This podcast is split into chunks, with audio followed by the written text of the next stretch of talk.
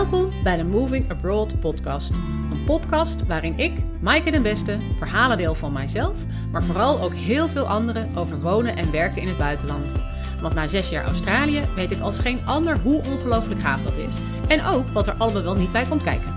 Een podcast bomvol inspiratie en informatie dus, om jou te helpen je eigen buitenlanddroom na te jagen.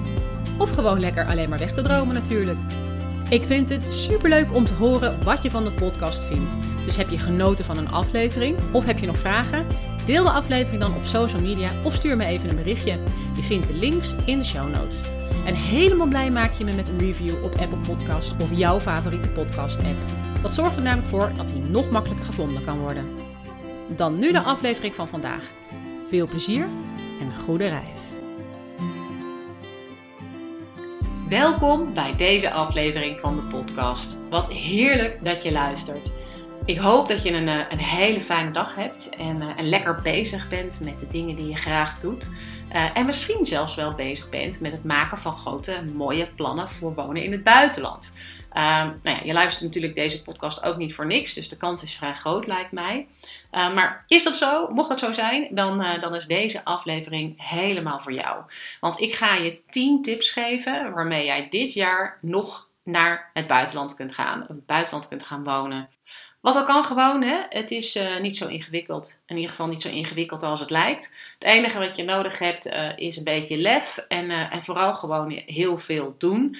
en niet te veel in je hoofd blijven zitten en twijfelen en nadenken, maar gewoon, gewoon in actie komen. En als je dan toch naar het buitenland wilt verhuizen, als je dat plan al hebt, uh, doe het dan gewoon dit jaar. Want 2022 is echt het perfecte moment om de stap naar het buitenland te zetten. Waarom? Nou, heel simpel. Um, door uh, onze grote vriend corona zijn we allemaal ontzettend gewend geraakt aan het werken vanuit huis. Ook jouw baas, ook de werkgevers in Nederland.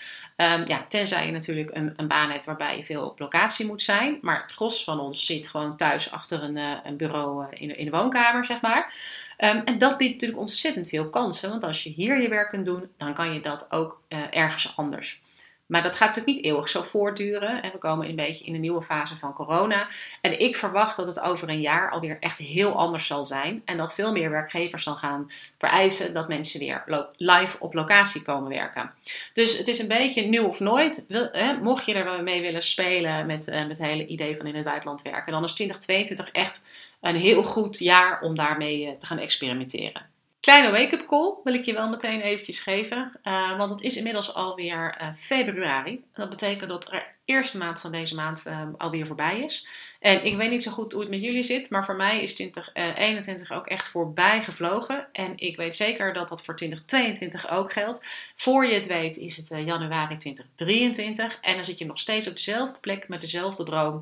en nog steeds helemaal niet gerealiseerd. Ik gun jou gewoon iets anders. Ik gun jou dat je over een jaar uh, ja, op die plek bent uh, waar jij heel graag wilt zijn. Dat jij over een jaar dat andere leven hebt of een begin van dat andere leven hebt waar je zo naar verlangt en waar je zo naar droomt. Dus ik dacht, ik ga je helpen. Ik ga jou 10 tips geven voor hoe jij dit jaar nog naar het buitenland kunt gaan. Uh, en als jij niet de tips volgt, ja, dan heb je ook geen enkel excuus natuurlijk. Hè? Ik bedoel, ik heb je nu zoveel geholpen, dan uh, then it's on you. Nou, 10 tips dus. Um, en uh, ja, ik ga gewoon starten bij, de, bij het begin. Um, en uh, dat is met uh, tip 1. En die gaat over spelregels. Namelijk, bepaal je eigen spelregels. Want je hoeft niet meteen permanent te emigreren. Je hoeft ook niet met, minstens een jaar naar het buitenland te gaan. Of minstens twee jaar of wat dan ook. Om, om te vinden dat je in het buitenland woont. Je hoeft ook niet meteen een baan te hebben of voor werk te verhuizen of zo, of een, of een bedrijf te hebben of wat dan ook. je hoeft zelfs niet op één plek te gaan wonen. Je mag ook gewoon wat meer nomadisch leven. Um, wat ik je eigenlijk wil zeggen is, er zijn geen spelregels voor wat wonen naar het in het buitenland inhoudt. Um, en um, ja, ga daar dus ook een beetje simpel en, en licht mee om en, en bepaal wat voor jou de spelregels zijn. Um, het is echt belangrijk dat je voor jezelf de drempel laag genoeg zet, zodat je er ook overheen kunt stappen.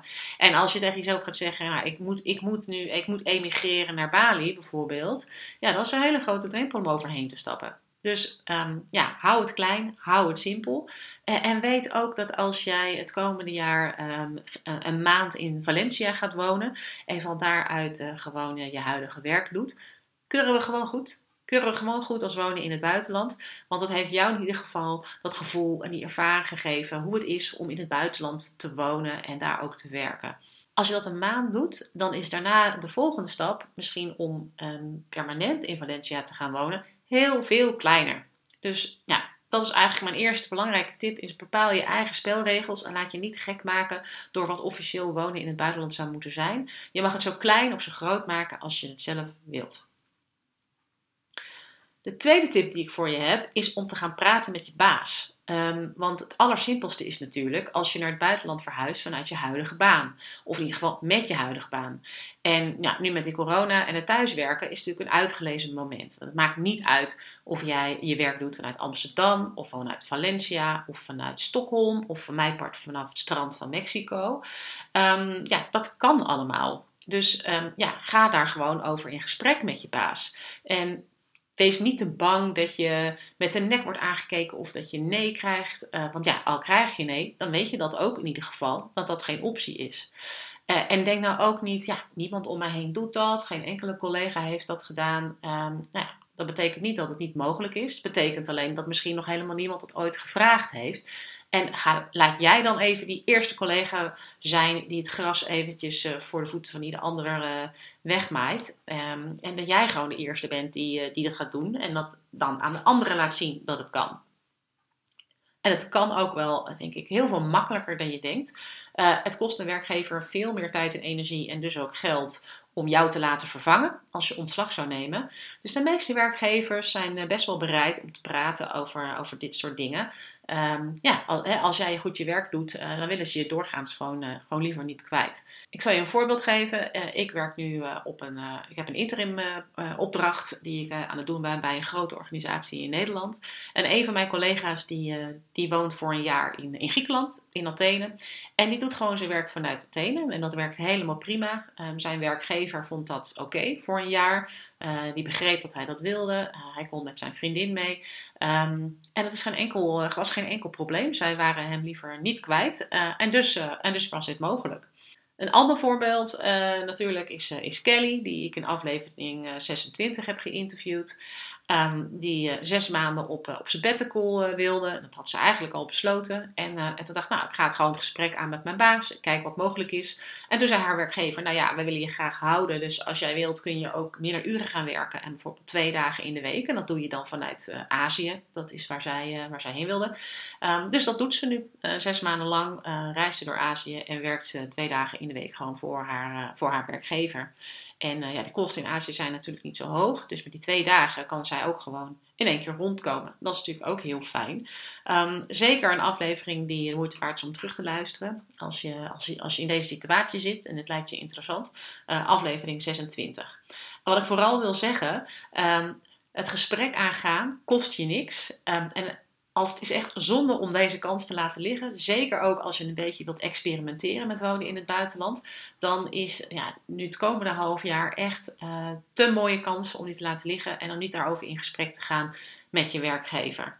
Je kunt natuurlijk ook het gesprek aangaan, niet zozeer over ergens anders werken, maar over bijvoorbeeld een sabbatical. Uh, als je een paar maanden uh, vrij kunt nemen, gewoon onbetaald verlof, dan, uh, ja, dan heb je ook tijd en ruimte om, om een tijd naar het buitenland te gaan zonder dat je um, ja, je werk daarvoor moet, moet opgeven. Dus dat is tip 2. Praat met je baas. De derde tip die ik voor je heb om het komende jaar nog in het buitenland te wonen, is om vrijwilligerswerk te gaan doen. Uh, als je bijvoorbeeld toch dat sabbatical hebt geregeld met je baas, dan, uh, dan, dan, is hè, dan moet je iets met je tijd. Um, en het is een hele simpele manier om een tijd lang uh, op, een, ja, op een andere plek van de wereld te wonen. En nieuwe mensen te leren kennen en ook jezelf beter te leren kennen. Um, ja, en gewoon, weet ik wel, zes maanden ja, over de grens te wonen. Er zijn ontzettend veel sites waarop je uh, vrijwilligersprojecten kunt vinden. Uh, een van de sites die ik bijvoorbeeld tegenkwam was Volunteer Worldwide. En daar kan je ook gewoon zoeken op bestemming. Dus als jij heel graag in Kroatië wilde wonen, nou, dan zoek je gewoon een project in Kroatië. En dan kijk je of je daar misschien een half jaar als vrijwilliger aan de slag kunt gaan. Heel vaak krijg je dan toch een soort van kleine vergoeding, niet zo heel veel. Dus soms moet je toch wel wat gespaard hebben bijvoorbeeld. Uh, maar in alle gevallen is het ook gewoon een, een kwestie van kosten inwoning. En dan help je um, bijvoorbeeld uh, op een project mee of dan help je eigenaren mee met het bouwen van een huis of bij met het bouwen van, van een school. En dan kost het je dus eigenlijk niks. je verdient ook niks, maar het kost je eigenlijk ook heel weinig mooie manier. Um, een ander voorbeeld daarvan is bijvoorbeeld woofing. Dat is uh, ja, als je wat meer in de duurzaamheid bent en uh, het leuk vindt om, met je, met je, om, om te leren hoe een organische boerderij werkt, organic farming. Um, ja, woofing is een beetje hetzelfde principe. Dan ga je ook uh, iemands boerderij werken. krijg je ook kosten inwoning. Um, en dan in ruil daarvoor werk jij mee op de organische boerderij. En dan leer je natuurlijk ook heel veel over dat organische organic farming. Um, maar het is ook een hele leuke manier om ja, voor een tijd op een, uh, op een bepaalde plek, plek te kunnen wonen. En wie weet, smaakt het dan na die paar maanden naar meer. Tip 4 ligt hier een beetje in het verlengde van. Uh, dat is als je um, ja, wel een paar maanden in het buitenland wilt wonen, maar niet per se als vrijwilliger of dat je toch echt liever wat meer geld wilt, uh, wilt verdienen. Ja, dan is nog de tip om, uh, om seizoenswerk te gaan doen. dat kan natuurlijk zowel in de winter, in wintersport, wintersportgebieden, als, als in de zomer. Ook bijvoorbeeld een camping of in een hotel. Um, er zijn altijd heel veel extra mensen nodig. Um, als, als skileraar of uh, in de winter heb je in Oostenrijk heel veel chalets die verhuurd worden, waar uh, ja, echt in korte periode uh, veel arbeidskrachten nodig zijn.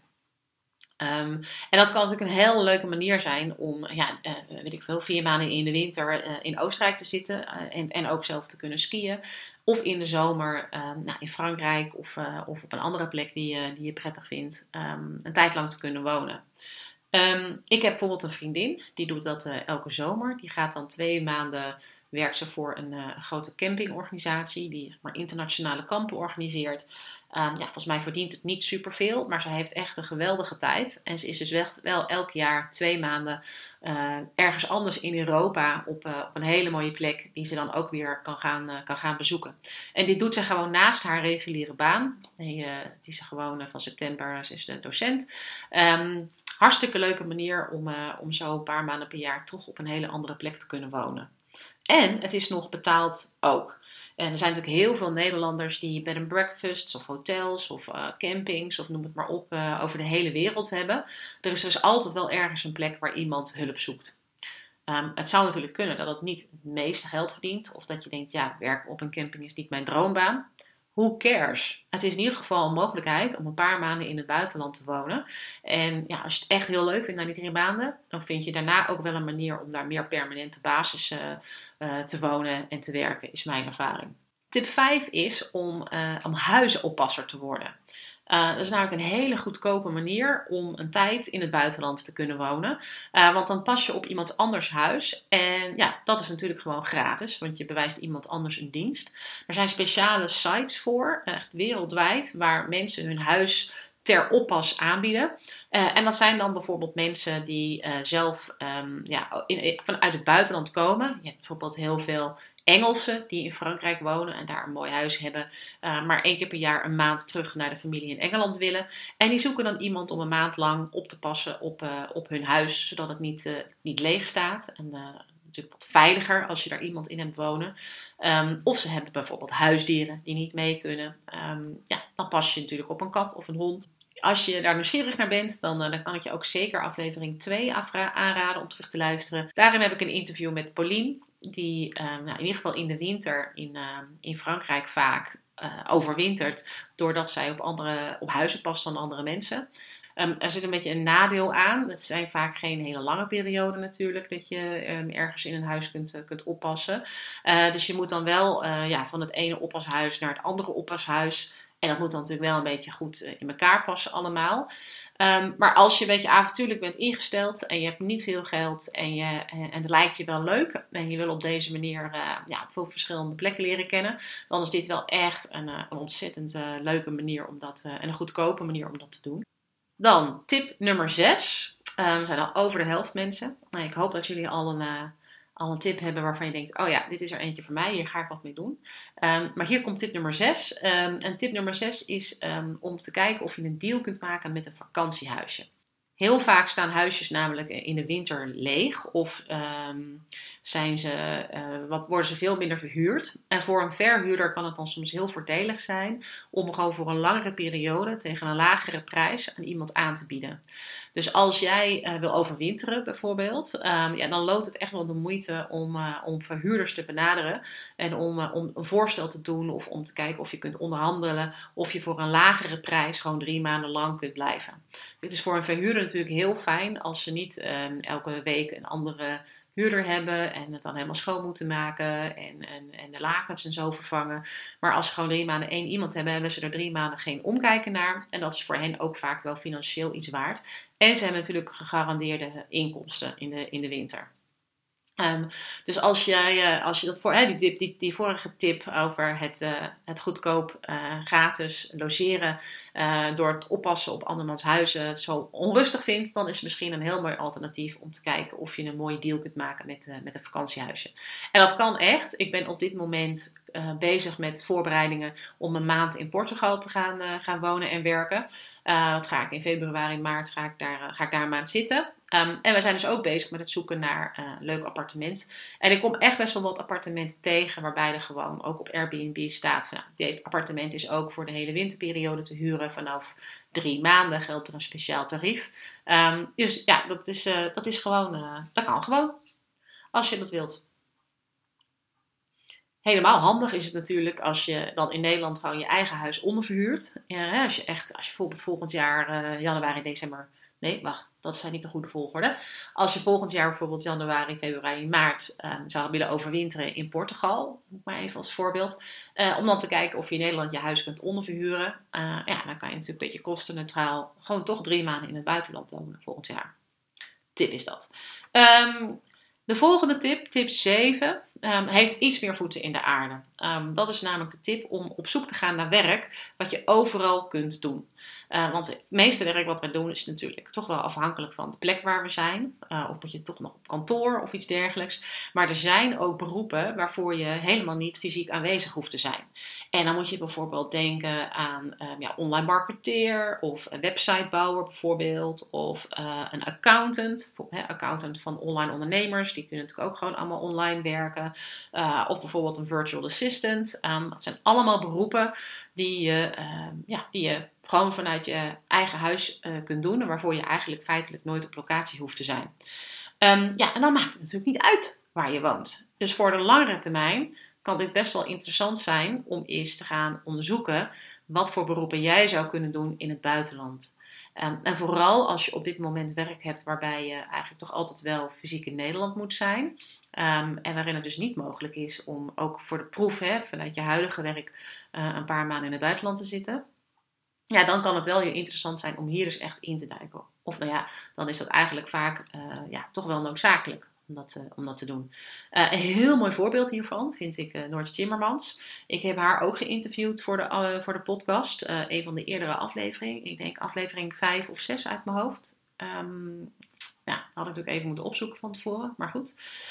zij was gewoon operatieassistent in het ziekenhuis. Um, maar wilde heel graag naar het buitenland. En is toen, heeft zichzelf helemaal zeg maar, opgeleid en ontwikkeld tot virtual assistant. En heeft daar haar beroep van gemaakt. Dat was natuurlijk niet in één week gedaan. En volgens mij heeft ze daar iets van een jaar over gedaan. Maar als je je voorstelt dat als jij die weg nu zou ingaan. En dat je over een jaar zover bent.